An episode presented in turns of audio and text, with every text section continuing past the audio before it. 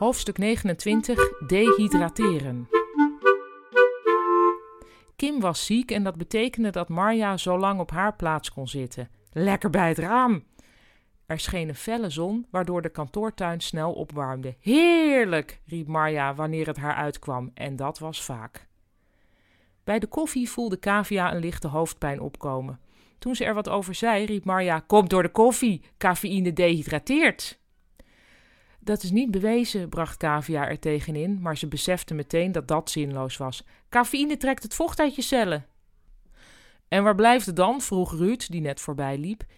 In je plas natuurlijk, daarom ruikt je plas dan ook naar koffie. Oké, genoeg, riep Stella. Het lijkt hier wel een sociale werkplaats. Kavia's hoofdpijn werd er in de loop van de dag niet minder op. Halverwege de middag besloot ze in de koelte van de marmeren ontvangsthal te gaan zitten met een ordner, een setje nieuwe tabbladen en haar eigen trouwe perforator.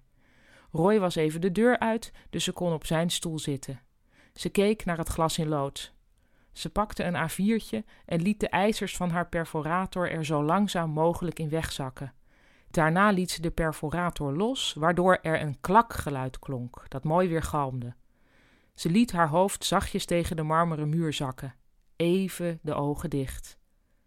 Na een paar minuten werd er een deur opengegooid. Ja hoor, klonk het. Ruud. Mevrouw zit hier gewoon lekker te pitten. Dat doen we thuis. Kavia ging rechtop zitten. Sorry, zei ze. Ik had even rust nodig. Ruud kwam bij haar staan. Vanwege Marja? vroeg hij gretig. Nou, meer vanwege mijn hoofdpijn. Ineens was ze bang dat Ruud haar nu ook in de gaten ging houden. Mijn tijdelijke hoofdpijn, verduidelijkte ze. Iets vroeger dan gebruikelijk ging ze naar huis. Daar lag een brief op de deurmat over het huwelijk van haar ex Rogier met Juliette, de dunne vrouw.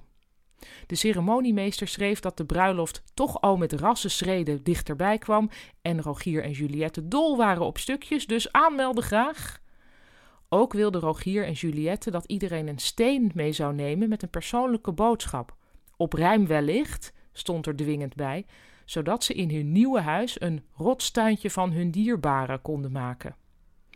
Kavia realiseerde zich dat ze die hele bruiloft effectief verdrongen had.